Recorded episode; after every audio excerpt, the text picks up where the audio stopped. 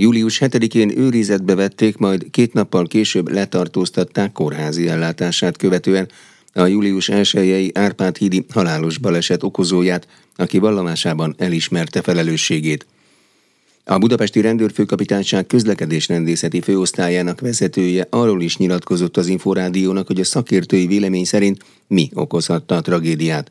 Balog Ádámmal Rozgonyi Ádám beszélgetett. Egy olyan baleset, egy tragédia történt sajnos, amely elkerülhető lett volna, és a közlekedésbiztonság két súlyos kockázatára vezethető vissza. Az egyik a sebesség túllépés, a másik pedig a versenyzés. Ugyanis 2023. július 1-én 0 óra 40 perc körül időben egy Mercedes E63S AMG típusú személygépjármű, illetve annak a vezetője közlekedett a Budapest 13. kerület Gidófalvi Lajos utca irányából a Robert Károly körútra. Haladása során a Papkároly utcai jelzőlámpa után érkezett mellé kettő BMW gépjármű, Ebből megállapítható, hogy nem egy előre szervezett, sok résztvevős versenyről beszélhetünk a továbbiakban, hanem egy úgynevezett spontán kialakult verseny történt. A Teve utcai jelzőlámpa tilos jelzésénél megálltak, ekkor nem ők voltak elől a sorban, így amikor a jelzőlámpa zöldre váltott, a Mercedes vezetője szabálytalanul balra, többieket megelőzve a balra kanyarodó sávon kielőzte a többieket, és visszasorolt az egyenesen haladó sávba. Ezzel egy időben a szélső sávban közlekedő BMW szintén szabálytalanul jobbról megelőzte az előtte állókat, és követte a Mercedes-t. A Mercedes folyamatosan növelte a sebességét, a BMW pedig követte őt. A baleset utáni meghallgatás során a Mercedes vezetője úgy nyilatkozott, hogy ő úgy érzékelte, és azért növelte a sebességét, mert azt hitte, hogy a BMW rátapadt. A BMW sofőrje pedig azt mondta, hogy ő a Mercedes gyorsulásától függetlenül növelte a sebességét. Ugyanakkor az észlelő tanúk elmondták, hogy úgy tűnt, mintha két autó versenyzett volna egymással, és a BMW szabályosan lekövette a Mercedes mozgását. Ezt támasztják alá a térfigyelőkamera felvételek is, illetve ezt mutatják a gépjárművek egymáshoz való helyzete is. A Mercedes az Árpád hídi felüljárót követően intenzív gyorsításba kezdett, kihasználta a teljesítmény ugyanis 612 lóerősről 619 lóerősre emelte a teljesítményét, illetve a BMW 150 lóerősről 190 lóerősre növelt teljesítménye közlekedett, tehát jelentős volt a teljesítménykülönbség a Mercedes javára. Így a BMW folyamatos egy-két másodperces lemaradással haladt a Mercedes mögött, és őket követte a harmadik BMW körülbelül egy olyan 7-9 másodperccel lemaradva. A Mercedes a Névfürdő utca magasságában megcsúszott balra, ezt a sofőr jobbra kormányzással próbálta korrigálni, azonban ez nem sikerült, elvesztette uralmát az autó fölött és jobb oldalra csúszott, és sajnos átszakította a kerékpárosok, illetve a gyalogosok védelmére szolgáló szalakorlátot, illetve a csőkorlátot. Sajnos pont akkor ütközött neki ennek a szalakorlátnak és csőkorlátnak, amikor éppen Buda irányából Pest irányába közlekedett egy szabályosan kivilágítva kerékpársávon közlekedő kerékpáros, aki a baleset következtében olyan súlyos kettős végtagvesztést szenvedett, hogy a sérüléseibe a kórházba szállítást követően meghalt. A baleset erejére jellemző, hogy miután az ütközés megtörtént, a Mercedes még a tetejére borult, és további 70 méter csúszott a Florián tér irányába. Ekkor az elsőként érkező BMW intenzív fékezéssel még meg tudott állni, el tudta kerülni az újabb balesetet, azonban a másodikként érkező BMW már nem tudott megállni, és belecsúszott az akkor már nyugalmi helyzetben lévő Mercedesbe. Így mind a Mercedes vezetője, mind a BMW sofőrje súlyos sérülést szenvedett. Az elsőként érkező BMW-nek sem a sofőrje, sem az utasai nem sérültek, ők hívták a segélyhívót. Ugyanakkor pont a Margit szigeten egy másik baleset helyszínen intézkedő helyszínelő páros hallotta a csattanást, azonnal a helyszínre siettek, és az elsődleges rendőri intézkedéseket megtették a baleset bekövetkezésétől számított kettő percen belül.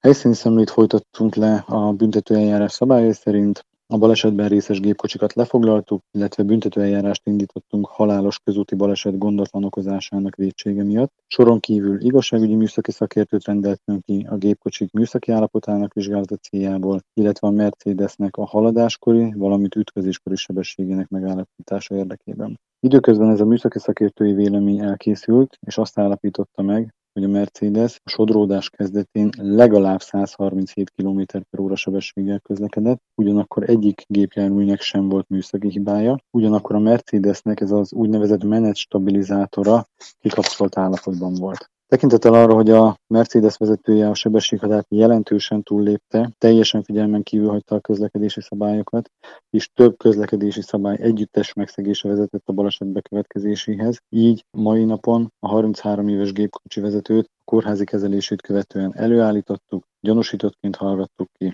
intézkedtünk őrizetbevételére, és előterjesztést tettünk letartóztatásának indítványozására. A gyanúsított vallomást tett, a baleset bekövetkezésért a felelősségét elismerte, a gyanúsítással szemben panasszal nem élt. Milyen büntetésre számíthat? Ennek a bűncselekménynek a várható büntetési tétele kettő évtől öt évig terjedő szabadságvesztéssel uh-huh. sújtandó. Gondolom a jogosítványt ezt bevonják. Természetesen. Azt visszakaphatja még valaha? Ez nem rendőrségi hatáskörbe tartozik, erről nem tudok nyilatkozni. Mit tehet a rendőrség a későbbiekben, hogy a, ezeket az illegális gyorsulási versenyeket megelőzze, gátolja? A BRFK folyamatosan írja a közlekedők sebességét, és minden eszközzel harcol az utcai versenyzés, illetve a sebesség túlépéssel szemben. Már korábban feltérképeztük azokat az utcakaszokat, hogy melyek lehetnek alkalmasok versenyzésre, és jellemzően hol fordulnak elő ezek a versenyzések. Ezeket felmértük, és rendszeresen ezeken az utcakaszokon tartunk sebességmérő ellenőrzéseket. Tavaly 40, idén már 10 olyan akciót szerveztünk,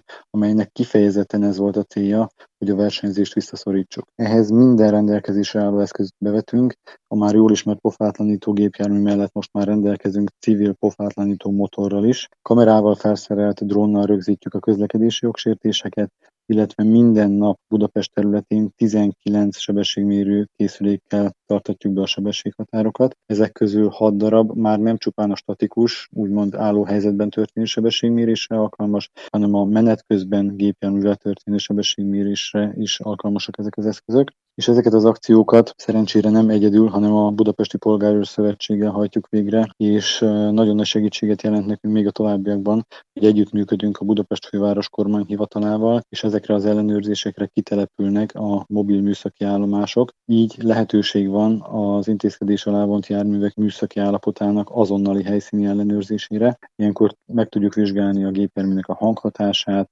az esetleges teljesítménynövelést, a sötétített fóliának a fényáteresztő képességét, illetve meg tudjuk nézni, hogy rendelkezik-e bármilyen engedély nélküli átalakítással a gépjármű. Ebben az esetben lehetőség van soron kívül műszaki vizsgára történő berendelésre, vagy a forgalmi engedély helyszíni elvételére is. Balog Ádámot a Budapesti Rendőrfőkapitányság közlekedésrendészeti főosztályának vezetőjét hallották. Paragrafus. Minden, ami jog. 2018 óta meg háromszorozódott az e-kereskedelmi forgalom Magyarországon, ezzel párhuzamosan a visszaélések száma is növekedett, az adóhatóság ezért egyre több ellenőrzést indít az illegális piaci gyakorlatok visszaszorítása érdekében, mondta a Nemzeti Adó és Vámhivatal ellenőrzési főosztályának vezetője, Sipos Ildikó összefoglalója. Nem csökken a visszaérések száma az internetes kereskedelemben, így az adóhatóság is egyre több ellenőrzést indít a fogyasztóknak, a tisztességes kereskedőknek és a költségvetésnek is kárt okozó illegális piaci gyakorlatok visszaszorítása érdekében, mondta az Inforádiónak a Nemzeti Adó és Vámhivatal ellenőrzési főosztályának vezetője. Horváth Gábor hozzátette, folyamatosan figyelik az online piactereket, a közösségi oldalakat, éves szinten mintegy 20 ezer weboldalt monitoroznak. 1588 ellenőrzést végeztünk a tavalyi évben, és az idei év első fél évben 682 próbavásárlással folytatott ellenőrzést végeztünk, amelyek során azért ilyen 27, illetve 50 millió forint közötti bírságokat szabtunk ki, és mellette pedig adóellenőrzésre is sor került 2022-ben 33 esetben, közel másfél milliárdos bírság kiszabásával és 4 milliárdos megállapítással, illetve 23 első fél évével most jelen pillanatban ott tartunk, hogy 20 adóellenőrzés keretében másfél milliárdos adókülönbözetet és 685 millió forintos bírságot szabtunk ki a visszaélésben érintetteknek. A NAV ellenőrzési főosztályának vezetője azt is elmondta, hogy idén kiemelten követik a szállás közvetítők és az ételkiszállítási platformok tevékenységét, illetve emellett a jövedéki és dohánytermékek, a mobiltelefonok, az informatikai eszközök, az ékszerek, a kávégépek és a kávék forgalmát. Az adóhatóság Heves megyei adó- és vámigazgatóságának ellenőrzési igazgató helyettese arról számolt be, hogy Heves vármegyében az elmúlt hónapokban több olyan jogsértésre is fényderült, ami ékszer, illetve dohányáru elkereskedelmével volt összefüggésben. Sáriné Bíró Anitát hallják. Egy olyan kereskedelmi profil is felkeltette az érdeklődésünket, ahol a hirdető háromféle török származású vágott dohányt hirdetett eladásra. Feltűnő volt, hogy bár kiválónak mondta a minőséget, legális üzletben háromszorosáron lehetne ezt a terméket megvásárolni, és ugye egyértelmű, hogy dohányterméket csak koncesziós szerződéssel lehet értékesíteni kiskereskedelmi egységekben, így egyértelmű volt, hogy teljesen szabályok megkerülésével működik ez a hirdető. Az adóhatóság szakemberei a vásárlókat arra intik, hogy a digitális térben se dőljenek be az ehhez hasonló hirdetéseknek, vagyis annak, ha egy elkereskedő jóval a piaci ár alatt hirdet meg egy terméket. A héten folytatódott a gyárfás per tárgyalása, és várhatóan novemberben ítélet születhet Fenyő János média vállalkozó 1998-as meggyilkolása ügyében, mondta az Inforádiónak a fővárosi törvényszék szóvivője. Szabó József Tamással Rozgonyi Ádám beszélgetett. A válthatóság perbeszédével folytatódott, ugye július 6-án Gyerfás Tamás büntetőpere. Mi történt ezen a tárgyalási napon tulajdonképpen? Tulajdonképpen még az ügyészi perbeszédet megelőzően egy tanú kihallgatására is sor került, és ezt követően kezdte meg az ügyész a vádbeszédének a megtartását nem ért ezen a napon a végére a perbeszédének, úgyhogy a következő tárgyalási napon még folytatódik az ügyészi vádbeszéd. Novemberben ítélet születhet, legalábbis elsőfokú ítélet születhet az ügyben. Ugye az ügyészi perbeszédet követően a védők fogják elmondani a védőbeszédeiket. Ez is nyilván több napra van eleve tervezve, hiszen már előre jelezték a kollégámnak, hogy hosszasan kívánják előadni mindazt, amit eddig a per folyamán tapasztaltak, és mindaz, ami a védencük érdekében felhozható, és ezt követően nyilván sor kerül, ahogy a büntetőeljárási törvény ezt lehetővé teszi, a vádlottaknak az utolsó szójogán történő felszólalására. Ez november elején várható, és hogy mindez miért fontos, Ugye ilyenkor mindenki összeszedi mindazokat az érveket, indokokat, elemzi a bizonyítékokat, ami eddig az ügyben felmerült, és azért időnként előfordul, hogy a perbeszédekben elhangzottak miatt meg kell, hogy nyissa a bíróság ismételten a bizonyítási eljárást, és valamilyen egyéb cselekményt még végezzen, mielőtt ítéletet tud hozni. Kerülhetnek-e még elő új bizonyítékok? Nagyon ritka eset az, amikor új bizonyíték merül fel. Ráadásul ugye az új büntető eljárási törvény már úgy szabályozza, hogy a rendelkezésre álló bizonyítékokat az előkészítő ülésen be kell, hogy mutassák a felek. Aki ezt nem teszi meg, az egyrészt rendbírsággal sújtható, másrészt pedig azt kockáztatja, hogy az adott bizonyítékot nem veszik a későbbiekben, vagy nem lehet figyelembe venni. Kivéve abban az esetben, hogyha azt tudják igazolni, hogy ez a bizonyíték, amivel most előállnak a későbbiek ezekben ez csak akkor jutott a tudomásukra. Tehát ilyen pertaktikázásból bizonyítékokat később becsatolni, később megnevezni már nem szabad. Hát mondhatjuk, hogy ez az ügy azért régóta húzódik tulajdonképpen. Az elkövető, a felbújtó, a büntársak büntetési mérték az hogyan rejlik egymáshoz? Hát ugye ő az emberölés bűncselekményének a felbújtója, és a súlyát tekintve egyenértékű a magának a tett elkövetőjének a cselekményével. A büntető törvénykönyv is azt mondja, hogy ugyanabból a büntetési keretből kell kiindulni, mint ami az elkövetőre irányadó. Tehát adott esetben mindenkire vonatkozik az a büntetési tétel, amit a törvény meghatároz. Nyilvánvalóan abban a kérdésben a lehet esetleg enyhítő körülményként értékelni, ha valaki csak apróbb segítséget nyújtott a cselekmény elkövetéséhez, tehát a bűnsegédek megítélése kicsit enyhébb szokott lenni, attól függ persze, hogy mennyire vesz részt, és milyen támogatást nyújt az elkövetőnek, ez lehet kisebb-nagyobb eltérésre okot adó körülmény. A felbújt felbújtók esetében viszont a, a kialakult bírói gyakorlat azt mutatja, hogy elképzelhető, hogy súlyosabb büntetés kerül kiszabásra, mint magának a tett elkövetőjének, hiszen a felbújtónak az a szerepe, hogy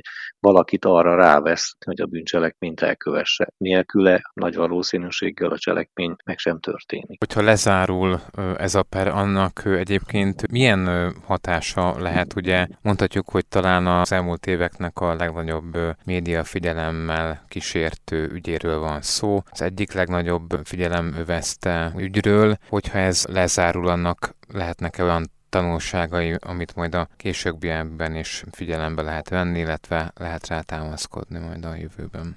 Az ugye minden esetre meg kell várni majd, hogy mikor lesz jogerős a döntés, és a végső következtetéseket minden ügyben vagy minden esetben azt követően lehet levonni, és lehet általánosságokra hivatkozni, miután jogerőre emelkedik egy ügy. Nyilvánvalóan lesz üzenetértéke mindenki számára az ítéletnek, hiszen a legfontosabb cél az, hogy ha valaki egy bűncselekményt elkövet, akkor azért járó büntetését meg is kapja. Fellebbezés az elképzelhető majd az ítélet ellen? Hát ezt nehéz megjósolni. Nyilván való mindenki számára nyitva áll a jogorvoslat lehetősége, tehát aki úgy érzi, hogy nem megfelelő ítélet született, azok fellebbezésbe szokták jelenteni. Ugye itt valamelyik félnek igaza lesz, hogy az ügyészi vádat tartja majd megalapozottnak a bíróság, vagy sem. Tehát mindkét irányban történhet fellebbezés. Ezt előre megjósolni nagyon nehéz. Szerintem nem is lehet. Ebben az ügyben biztosan nem. Értem tulajdonképpen, mikor lesznek még akkor pontosan tárgyalási napok, ezek meddig láthatók előre? Hát most július 11-én és 13-án folytatódik még az ítélkezési szünet előtt. Két tárgyalási nap lesz megtartva. Ugye az elsőn az ügyész befejezi a vádbeszédet, és elkezdődnek a védőbeszédek és ez folytatódik július 13-án, és aztán októberben is van három tárgyalási nap, 12-én, 19-én és 26-án, szintén még a védőbeszédek megtartására kerül sor, és az előre tervezettek szerint november 7-én és 9-én történne meg a vádlottak felszólalása az utolsó szójogán, és ezt követően az előzetes tervek szerint november 14-én hirdetne ítéletet a bíróság. Hát nyilvánvaló, hogy ebbe ugye számtalan dolog még közbe szólhat, az is elképzelhető, hogy valaki hamarabb vagy rövidebb perbeszédet tart, mint, mint ahogy az előre esetleg tervezve volt, akkor még az sem elképzelhetetlen, hogy hamarabb megszületik az ítélet.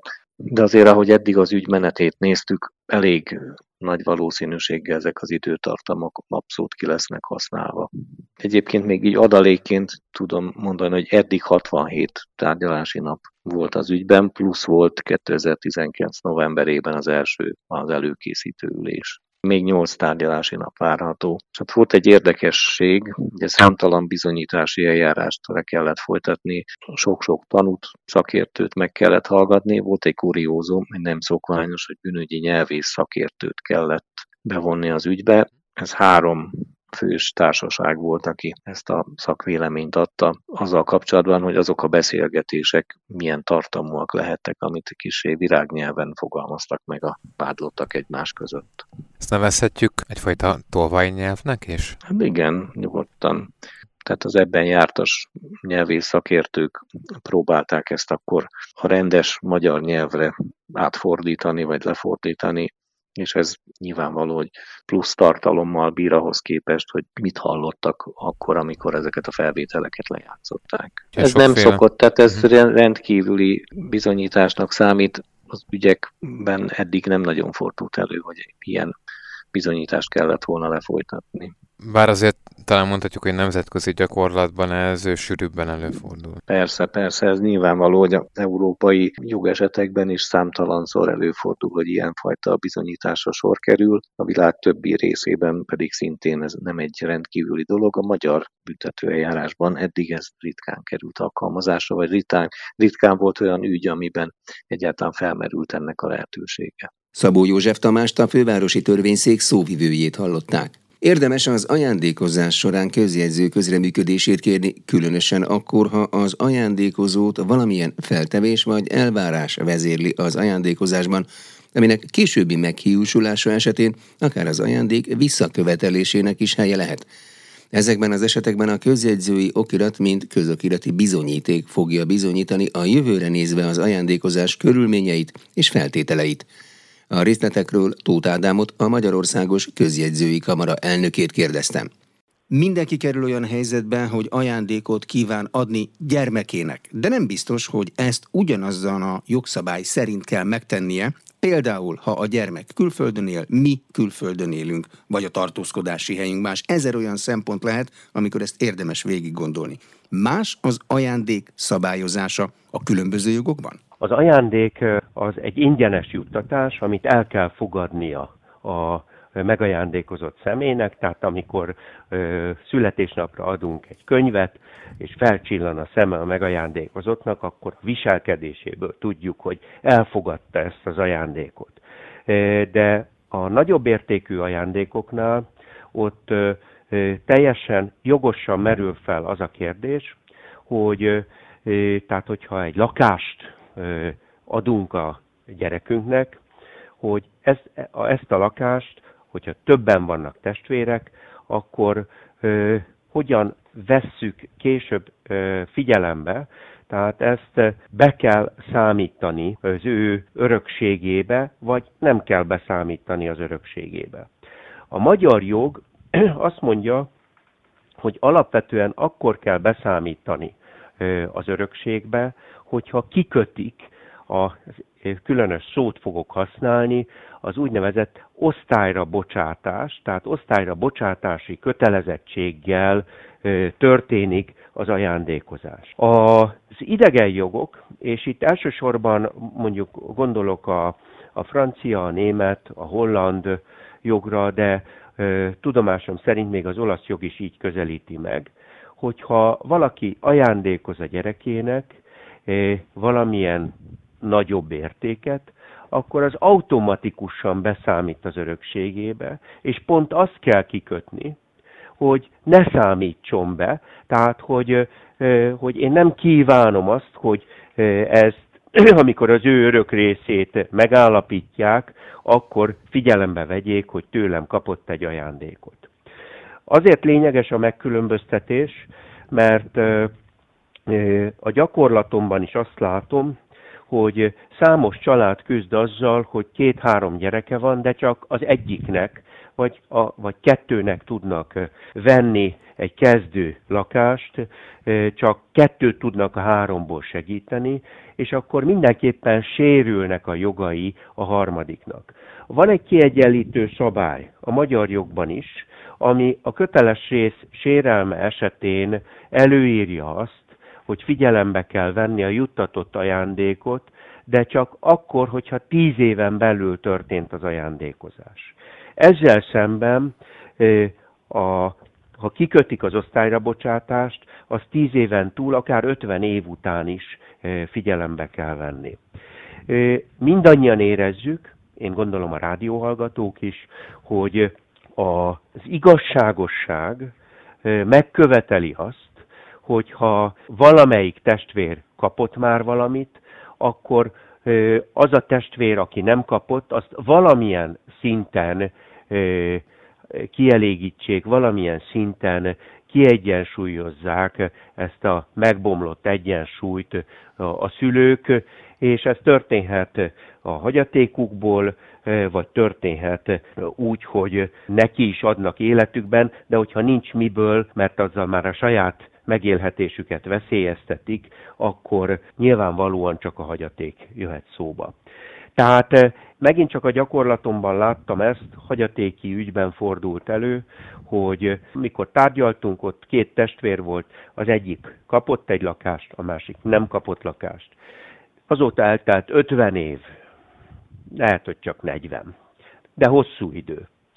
És a Természetesen, mert eszébe se jutott a szülőnek, hogy kikösse az osztályra bocsátási kötelezettséget, ezért ott a hagyatékban próbáltak egymással egyezkedni, az egyébként egymással jó viszonyban lévő testvérek. És hát nagyon nehéz volt. Tehát nagyon komoly mediációs feladat volt az, hogy megtalálják egymással a hangot, hogy valahol a 40 évvel ezelőtti értéket azt a szülő elhalálozásakor a hagyatékban megállapított értékekkel arányba lehessen hozni, hiszen ugyan a PTK az a juttatáskori értéket írja elő, hogy azt kell figyelembe venni, de hát 40 év után nem, tehát a saját élettapasztalatunkból látjuk a munkabérek növekedése és az árak növekedése alapján, hogy, hogy teljesen más fizetési arányok vannak, és a, az akkori értékből ma már egy másfél szobás lakást sem lehetne kapni, tehát jóval nagyobb volt az a, az adott érték, amit itt figyelembe kellett venni, de a végén azért a testvéri szeretet győzött. De ha nem, akkor a két testvér egész életére haragban lett volna egymással. Mindez megelőzhető lenne, hogyha meg lenne az a tudatosság az ajándékozó szülőben, hogy kiköti azt, hogy ezt bizony be kell számítani a megajándékozott örökségébe. Az ajándékozó szülő az ajándékozás pillanatában kell, hogy kikösse, hogy ezt be kell számítani a megajándékozott örökségébe, mert az egy picit ünneprontó hangulatú tud lenni az ajándék átvételének pillanatában, hogy mindjárt már a halálunkra gondolunk. Hát az a helyzet, hogy sajnos ez így van. De ennek ellenére a bírói gyakorlat, ugye ezt az időpontot a jogszabály nem írja, hogy mikor kell kikötni. A bírói gyakorlat azonban azt mondja, hogy az osztályra bocsátás az, az egyéb ajándékhoz, amit nem kell beszámítani a hagyatékba, az örök részbe, ahhoz képest egy teher. Tehát, hogyha én egy teherrel ajándékozok, akkor ezt a terhet közölnöm kell a megajándékozottal. Mert megajándékozott mondhatja azt, hogy ja, így már nem akarom, hogy megajándékozzanak, csak akkor, hogyha nem kell beszámítani az örök részembe. Tehát ennek egyidejűleg kell, ennek kell lenni. Természetesen van arra lehetőség, hogy akár 20 év múlva is, hogyha megvan a két félben a hajlandóság, az ajándékozó szülőben és a megajándékozott gyerekben, akkor ők egy közös megállapodásban a gyerek elfogadja azt, hogy a szülő szeretné, hogyha beszámítanák az ajándék értékét a gyerek örök részébe. De ahhoz kell egy jó viszony, meg e, ezeknek a jogintézményeknek az ismerete. Tehát valamiféle ez edukáció. Így ez, ez így van. E, és itt, itt jön az a gondolat, hogy, hogy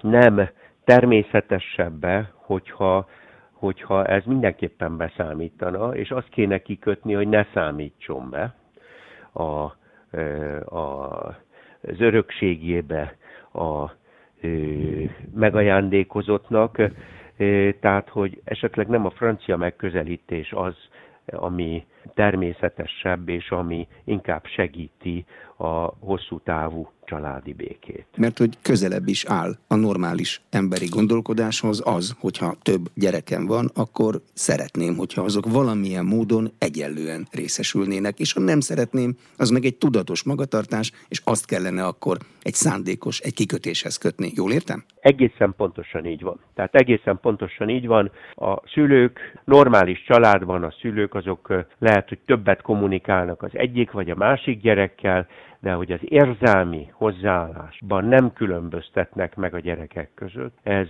teljesen természetes, és egy, egy kiegyensúlyozott családban a gyerek is joggal várja el azt, hogy tülő az mindegyik gyerekével egyformán nagyvonalú, kedves és szeretettel teli legyen. Az érték határ az mennyire exakt? El tudom képzelni, hogy kapok, vagy kívánok adni egy olyan értékű órát, ami gyakorlatilag lakást lehet kapni. Ez már nagy értékűnek számít? Kicsi darab.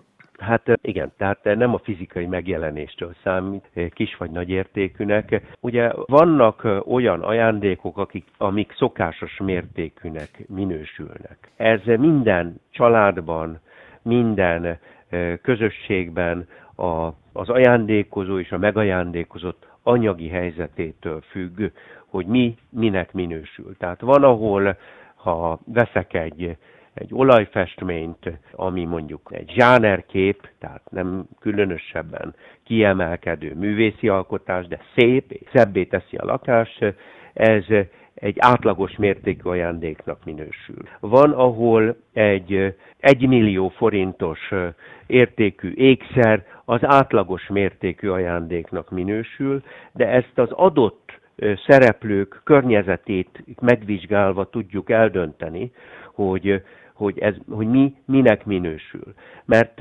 mert lehetséges az, hogy másnak viszont egy lexikon vagy egy tudományos könyv sem átlagos minőségű, értékű ajándéknak minősül, mert annyira szegény körülmények között élnek, ahol ezért nagyon sokat kell küzdeni, és éppen ezért ennek kiemelt jelentősége van. Tehát lehet, hogy ott az átlagos ajándék az, az néhány cukorka, vagy egy szelet csokoládé, úgyhogy ezt ebből, ebből a szempontból kell megvizsgálni, de azért azt általában elmondhatjuk, hogy amikor ezeknek az embereknek a több havi keresménye van benne az ajándék tárgyában, az semmiképpen nem lehet átlagos ajándéknak minősíteni, és ilyen esetekben érdemes átgondolni azt, hogy mondjuk van egy Filip Patek óra, és 22 millió forintba kerül, most csak a hasamra ütöttem, de azt tudom, hogy ez egy elég drága óra, akkor ha az egyik gyereknek egy ilyet adok, akkor hogyan fogom kiegyensúlyozni a többi gyereket. Paragrafus. Minden, ami jog. Jogi magazinnal legközelebb egy hét múlva jelentkezünk. Munkatársam Rozgonyi Ádám nevében is köszönöm figyelmüket, Nexterde Tibor vagyok.